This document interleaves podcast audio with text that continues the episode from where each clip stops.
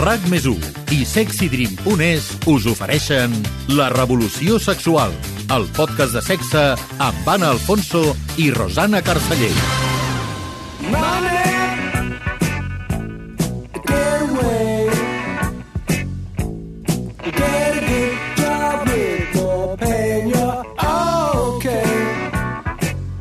Què diríeu si ara us expliquem que hi ha gent a qui l'excita i molt que algú altre es gasti els seus diners o fins i tot, en casos extrems, que li vull dir el compte corrent? Són casos relacionats amb el fíndom o la dominació financera. Fa unes setmanes parlàvem a la revolució sexual sobre la dominació i la submissió i avui ens endinsem en aquesta pràctica concreta on els diners juguen un paper clau.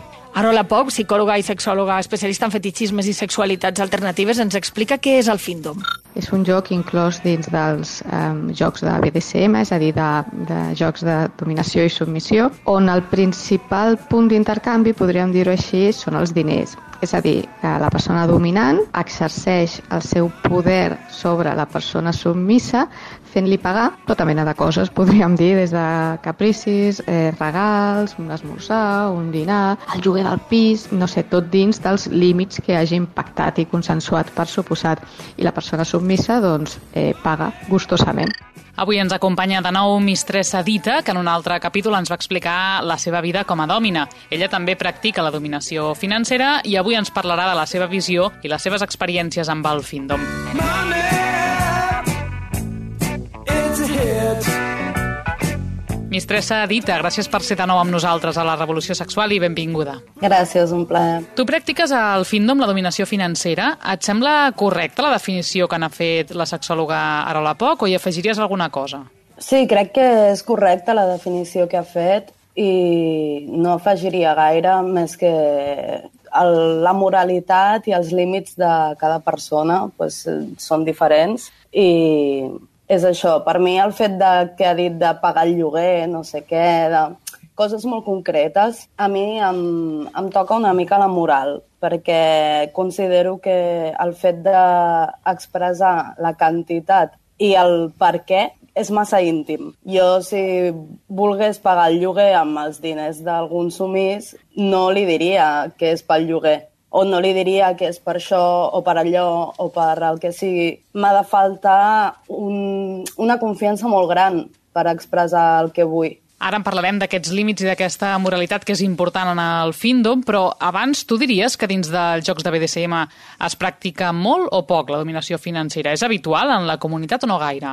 Jo crec que és bastant habitual, també depèn on miris. Si mires, per exemple, la comunitat de Twitter, sembla que és com flors en un jardí botànic, saps? En trobes de tots colors i de tots, de tots olors. Normalment, Dita, mm, en una relació findom hi ha sexe pel mig? En el meu cas no hi ha sexe pel mig i considero que, que té molt a veure també amb, amb una dominació més mental que no física. Per tant, no, no crec que solgui haver-hi. Jo parlo per mi. I tu des de quan ho practiques? Des de quan fas dominació financera? Des de fa cinc anys. I com vas començar fa cinc anys a fer dominació financera? Perquè preparant aquesta entrevista ens vas dir que tot això va ser arran d'una relació de parella en què ell li agradava pagar-ho tot, no? Bueno, no pagar-ho tot, sinó que jo tingués el control. Llavors el control en tot també implicava en les seves comptes eh, del banc i en poder-li ficar límits amb el que havia de gastar, que jo utilitzés els seus diners també pel meu propi benefici. O sigui, a ell li agradava que tu fessis servir els seus diners i per què li agradava? Perquè és una forma d'exercir el poder. No és només una, una forma física, sinó també mental. I llavors el fet de poder utilitzar un valor tan gran en la societat com és els diners en benefici propi és algo que estimula molt. I com va evolucionar aquesta relació? És a dir, tu veu establir unes regles de dominació financera, per exemple? Sí, ell, bueno, no tenia límit. Llavors les regles les vaig establir jo, perquè és el que dèiem abans de la moralitat. Això de que algú et deixi la compta zero ho pots acceptar un mes, ho pots acceptar una temporada, però no és sa. Llavors, jo el primer que li vaig dir és fes comptes d'estalvi. Tingues diferents comptes d'estalvi i ves apartant diners per diferents motius. Llavors també li estava educant en com gestionar l'economia. Però llavors ell no tenia cap mena de control i quan dius que ell no tenia límit, què vols dir? Que gastava sense parar o que no tenia control sobre els seus diners i li havies de fer tu?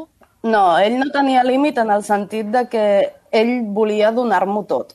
Ell, el seu, la seva submissió era total, llavors era això, no, no hi havia un límit per part seva, i el límit el marcava jo, i el límit el creava dintre de la meva moralitat. Vas arribar a tenir el control de totes les seves eh, targes, de tot l'efectiu? És a dir, ell no tenia cap control sobre cap dels seus diners? A ell li agrada molt el tema de, de l'electrònica en general. Llavors, jo, jo tenia eh, la meva cartera, la seva targeta, i ell pagava um, a través del mòbil o a través de l'smartwatch i el límit li establia jo de quan podia gastar el dia. Llavors, si algun dia passava el límit, òbviament hi havia restriccions els dies següents, perquè ho havia de compensar. Ell no podia dur efectiu a sobre, perquè a més també es va juntar amb el tema de la quarantena i per un tema de, de sanitat, doncs l'efectiu no, no estava ben vist en aquella època i l'efectiu me l'entregava a mi. I, òbviament, jo tenia en el meu mòbil la seva compte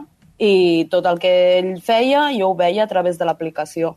Però ell amb aquests diners, és a dir, tu li deies amb què se'ls podia gastar o se'ls gastava amb coses per tu o les dues coses? On, on anaven a parar els diners? Les dues coses. Anaven a parar, doncs, si ell sortia, li ficava un límit del que podia gastar, tot el que eren gastos estaven controlats per mi. I, òbviament, jo em gastava els diners sense necessitat de donar-li ningun tipus d'explicació. I quan jo em gastava els diners, ell també rebia la notificació i el primer que feia era donar-me les gràcies. Però tot això el que sembla és com una tutoria financera i que tu tinguessis poder sobre les finances, d'acord? Però on hi entra el joc de BDSM i el joc sexual? Suposo que això a ell l'excitava molt o era no? Hi havia com un rol mm, on entrés l'excitació i el plaer i el desig, no? Aquí? I tant, i tant. Eh, per això em donava les gràcies, perquè ell veia la notificació i s'excitava. Amb la notificació del banc s'excitava? Sí. I uh, després d'aquesta aquesta relació s'ha acabat o va seguir o vas tenir altres submissos després que amb qui fessis Findom i amb qui ho facis ara? Aquesta relació s'ha modificat. Ara ja no, no som parella, però continuem tenint contacte i tot i així té uns gastos amb mi i amb el que li dic que, que faci, ho fa. Per exemple, jo ara mateix tinc un, una vida molt, molt còmoda, llavors amb ell el que li demano és que es preocupi per la meva salut. Llavors, tot el que són complements alimentaris eh, i de més, li dic que me'ls me financi ell. Ell els demana, els va buscar, me'ls entrega a casa i per exemple, també és molt fetitxista de les sabates, i llavors sempre m'està demanant comprar-me sabates. El que és el que dèiem abans, el límit el marco jo. Jo vull que compris això, vull que gastis en això, i el per què te'l donaré si hi ha una confiança. Si no hi ha una confiança, òbviament no tens per què explicar el que vols fer o deixar de fer. I és una persona que té molts diners? Normalment els submisos de, de dominació financera són gent que tenen molts diners o hi ha de tot tipus de, de, de situació financera? Hi ha de tot tipus. En el seu cas, en aquesta relació, és una persona que guanya poc més de 1.000 euros al mes, però és el que dèiem abans de la voluntat. Si per ell fos, seria jo qui ho, ho dominés tot. Llavors, el límit el marco jo. Tens altres sumissos a banda d'aquest? És a dir, perquè tu ara vius d'això, no? Vius de la, de la mm. dominació. Sí, i és el que dèiem abans. Eh, tu demanes o, o ordenes el que et ve de gust a tu, com et ve de gust a tu, i hi ha molts casos depenent també del, del submís amb el que parlem. Hi ha submissos que, per exemple, els dic feu una compta al banc a part on cada mes ingresseu uns diners destinats a les meves necessitats. I jo els gastaré quan jo vulgui, com jo vulgui. Jo crec que hi ha molta gent que potser s'està preguntant com és que els submisos accepten això. És a dir, que, que, que, que et vingui una persona i et digui mira, obre un compte del banc i jo et diré amb què te'ls pots gastar i què m'has de comprar. A priori sembla com una cosa que no tothom diria que sí. És a dir, a canvi de què ho fan? A canvi d'una excitació. És que no és tothom que, que vol aquest tipus de relació però una excitació només per aquest fet o perquè tu jugues a altres rols o hi ha altres pràctiques involucrades en això? En el meu cas, hi ha altres pràctiques involucrades. No només és els diners, però hi ha relacions en les quals és només els diners. I és un mateix perfil de persona normalment el que, el que és submís financer? Tenen alguna característica comuna? Mm, no, almenys jo no he sapigut veure una connexió entre ells, més que un perfil de submís amb una entrega molt elevada. Inclús dintre de la submissió financera pots arribar a trobar perfils de persones que dintre de la seva vida quotidiana són molt dominants, perquè és el que deies abans de les persones que es dediquen a guanyar molts diners al mes i volen ser submissos econòmics, a la seva vida diària són persones molt dominants. Tenim el testimoni d'un home, submís financer, que vol mantenir-se en l'anonimat i que ha explicat a la revolució sexual com viu aquest fetitxe amb els diners.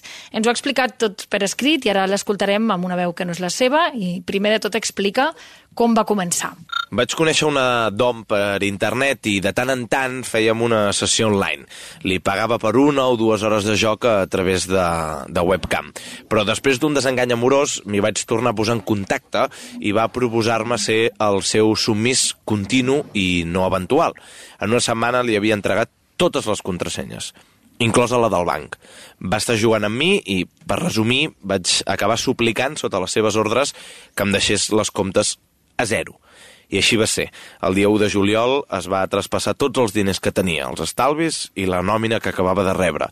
Després vaig poder ejacular i vaig tornar a la realitat. Va ser molt dur i vaig haver de demanar un petit préstec per poder fer front als pagaments que tenia aquell mes. Aquest submís explica que va entrar en una roda en què tot allò l'excitava cada vegada més i explica així per què li agradava. M'agraden diverses coses. Sentir que ella té el poder i que jo el perdo. És com portar la humiliació un pas més enllà. També m'agrada contribuir a que ella pugui viure com la deessa que és i m'agrada sentir-me manipulat i utilitzat. Atenció perquè assegura que en 4 anys s'ha gastat uns 40.000 euros en sessions de Findom i també ens ha explicat què va fer la vegada que s'ho va passar millor.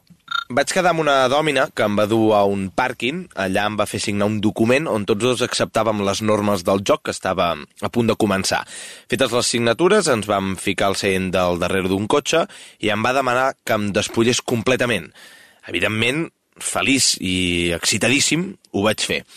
I allà, despullat, va començar a jugar. Em va posar un cinturó de castedat, una bola al cul, i em va lligar les cames, el cul i la mà esquerra. A la mà dreta m'hi va deixar el mòbil per dues coses. Una, per si em calia ajuda, i dos, per poder veure els vídeos que m'enviaria on es gastava els meus calés amb la meva targeta. Va tapar-me amb una manta i se'n va anar a comprar amb la meva cartera. Ràpidament van començar-me a arribar notificacions al mòbil de com s'estava gastant els calés que tant m'havia costat aconseguir. L'excitació era màxima. També m'enviava els vídeos del que estava fent i a la vegada sentia com tota l'estona passava gent pel pàrquing. Jo allà, nu, amb una bola al cul, lligat sense poder moure'm i veient com la deessa estava gaudint de les compres amb la meva targeta. Quan va arribar amb les compres, em va deixar masturbar-me, vaig ejacular, ens vam acomiadar i vaig anar-me'n a casa amb la sensació de necessitar tornar a repetir aquesta experiència. Recordem que era un testimoni per escrit que s'ha volgut mantenir en l'anonimat, el d'aquest submís financer. Tu, Dita, com, com el veus, aquest cas?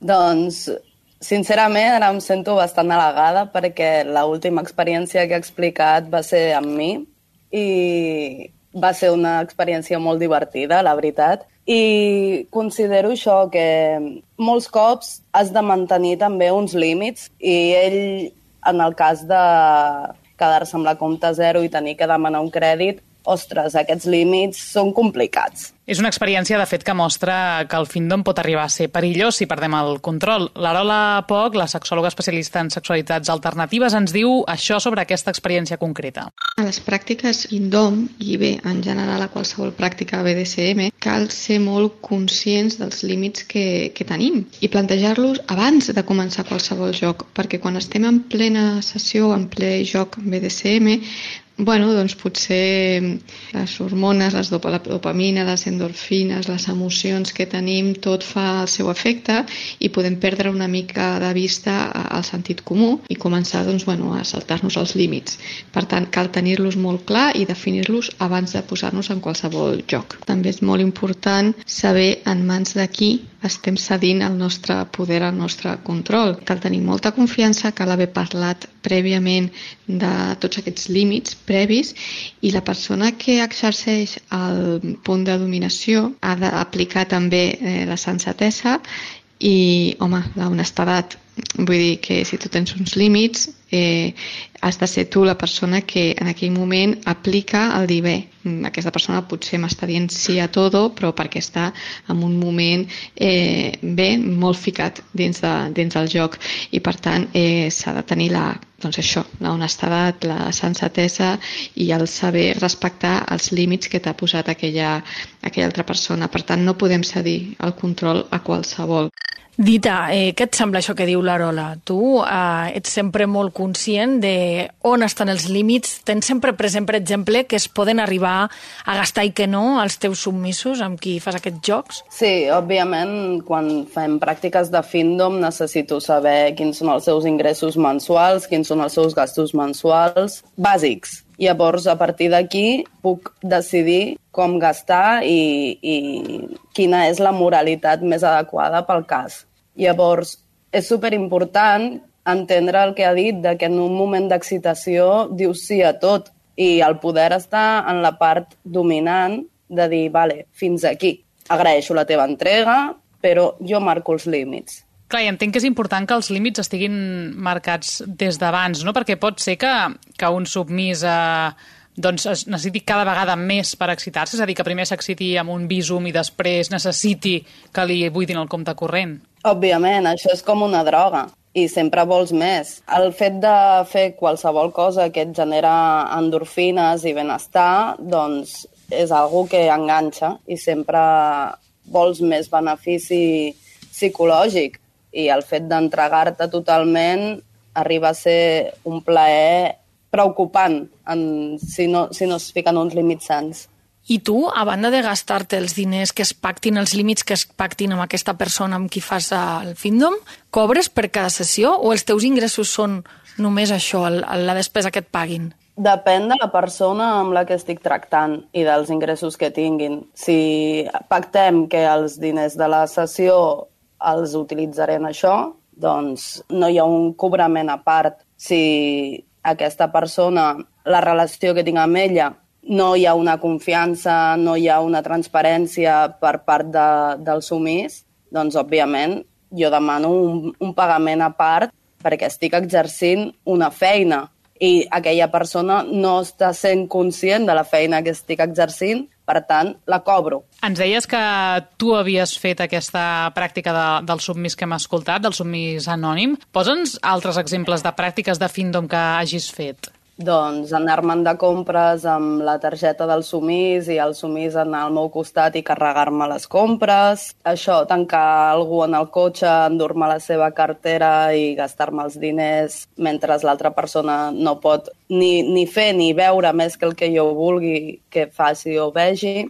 I el que dèiem abans de controlar les comptes i de ficar uns límits de gastos mensuals, o diaris. Potser escoltant eh, alguna dona està pensant que això és molt fàcil, no? Són diners fàcils de guanyar i pensen, mira, em poso a les xarxes i si només és gastar-te els diners d'algú, doncs ja està. Perquè realment Twitter em va ple del findom, no?, i de pràctiques així. Tu què els diries? que des de fora sembla molt fàcil, però un cop estàs dins i, òbviament, fas les coses tenint en compte el benestar de les persones amb les qui les practiques, no és gens fàcil. És divertit, però no és fàcil. Fa unes setmanes vam parlar amb la Diosa Ishtar, que és la teva tutora dòmina. Ella també té experiència en la dominació financera i ens ha explicat què cal tenir en compte abans de voler ser aquest tipus de dòmina. El Findom ara mateix eh, està totalment desvirtuat de lo que era al principi. Al principi estava la dominació professional, que eren dones que feien de dòmines professionalment a canvi d'un tribut i feien un tipus de pràctiques. A més a més, hi havia dintre d'aquestes pràctiques i també a les parelles d'ES, hi havia gent que disfrutava de, de lo que és la, la dominació també a les finances, de portar-hi els comptes, d'administrar-hi els calés. Ara mateix eh, ha derivat en el que diuen findom. Són dòmines que van mendigant calés per pagar-se un cafè o per pagar-se uns capritxos, que és a canvi de res. Missatges que de PayPic s'ha pagar porc o losers, perdedors. I bueno, jo no crec que això doni calés. Però bueno, n'hi ha moltes, n'hi ha moltes, moltíssimes, cada vegada més. Gent jove, gent adulta, gent que portava molt de temps a la Findom, a la Findom, perdó, dominació professional, que ara mateix han començat a, a fer comptes així, no sé, pagar per res, qui ho fa? La diosa Istar ens parla de, del concepte aquest de pay peak. Se'n diu així dels submisos en aquest món del Findom? Sí, en el món del Findom, el, la gent que vol donar diners és el pay que seria una traducció de, de porc que paga. I abans també se m'ha oblidat comentar-te una de les pràctiques que, que he dut a terme, però sincerament a mi no m'omple el cor, que són els cashmets. El cashmet és trobar-te amb el sumís en el banc i que et faci un extracte de diners acordats a canvi de que facis una humillació ràpida això ho acordes amb, amb el sumís i a lo millor la humillació és que et doni els diners al mig del carrer perquè el banc és aquests de peu de carrer i se't fica de genolls, et dona els diners i li fas una bufetada. Això, per exemple, hi ha paypics o homes submisos que t'ho demanen. Sí, però és el que dèiem, això també ha de ser algo que a tu t'agradi. A mi, sincerament, una humillació ràpida perquè em donguis uns diners que he aconseguit tan fàcil em pot ajudar econòmicament, no et diré que no, però és que jo no sóc avariciosa i no m'omple l'ànima.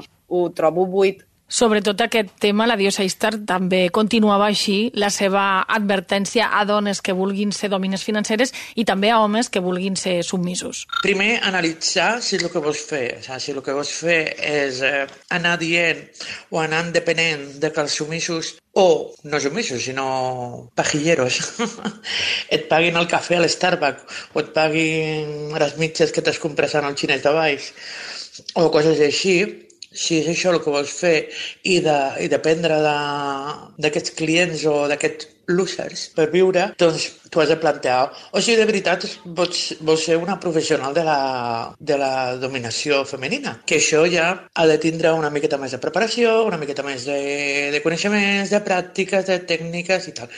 I per rebre-ho, de veritat, te vols gastar els calés en donar-se'ls a una dona que possiblement mai veuràs, que possiblement mai tocaràs i que possiblement mai tindràs una relació de veritat de dominació femenina. Ara, si el que vols és fer-te una simple masturbació dirigida amb una noia que porta les, les malles molt apretadetes i poc coneixement de, de BDSM, doncs mira, és el teu joc. Per mi, està dintre d'aquesta nova um, onada de, de findom, molta gent que no sap res de lo que és el BDSM, no sap res de lo que és la fandom i sap molt poquet de lo que és l'essència del BDSM. Sa, segur i consensuat. Què et sembla, Dita? Que té tota la raó. Per mi, el fet de...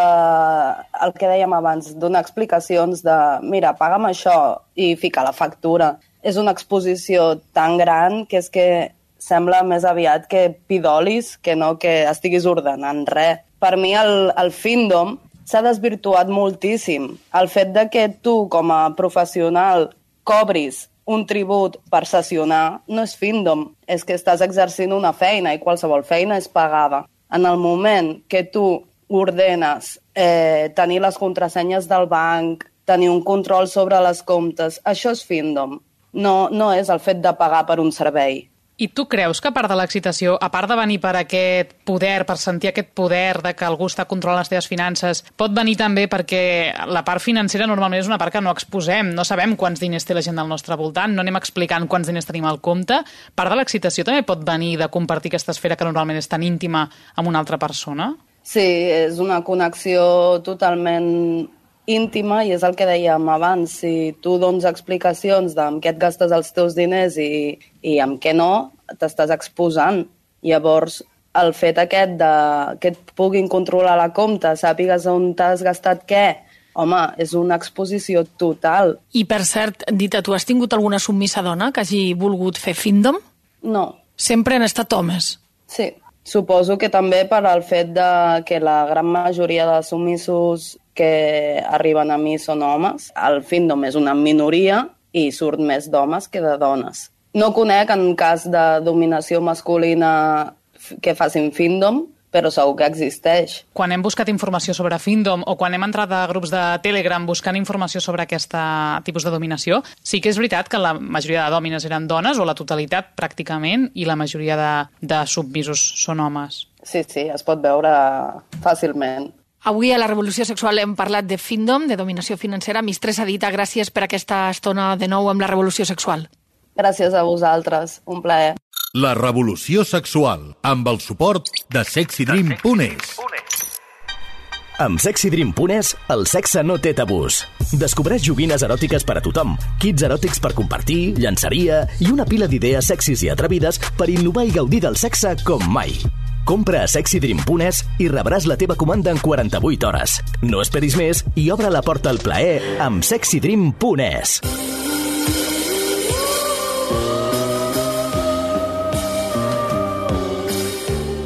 I avui acabem aquest capítol proposant-vos un llibre sobre el sexe a l'edat mitjana, Los fuegos de la lujuria, de Catherine Harvey, de l'editorial Ático de los Libros. Los fuegos de la lujuria és una història sobre la sexualitat medieval que desmunta els mites sobre com era el sexe en aquella època. Estaven mal vistes les relacions abans del matrimoni? Les dones eren totalment passives? Quina consideració rebien les relacions homosexuals? Qui feia servir el cinturó de castedat? La historiadora i medievalista Catherine Harvey respon a aquestes preguntes i dibuixa un retrat molt interessant sobre la sexualitat medieval, responent preguntes que fa segles que estan sobre la taula. I amb aquesta proposta, com sempre, us desitgem salut i bon sexe.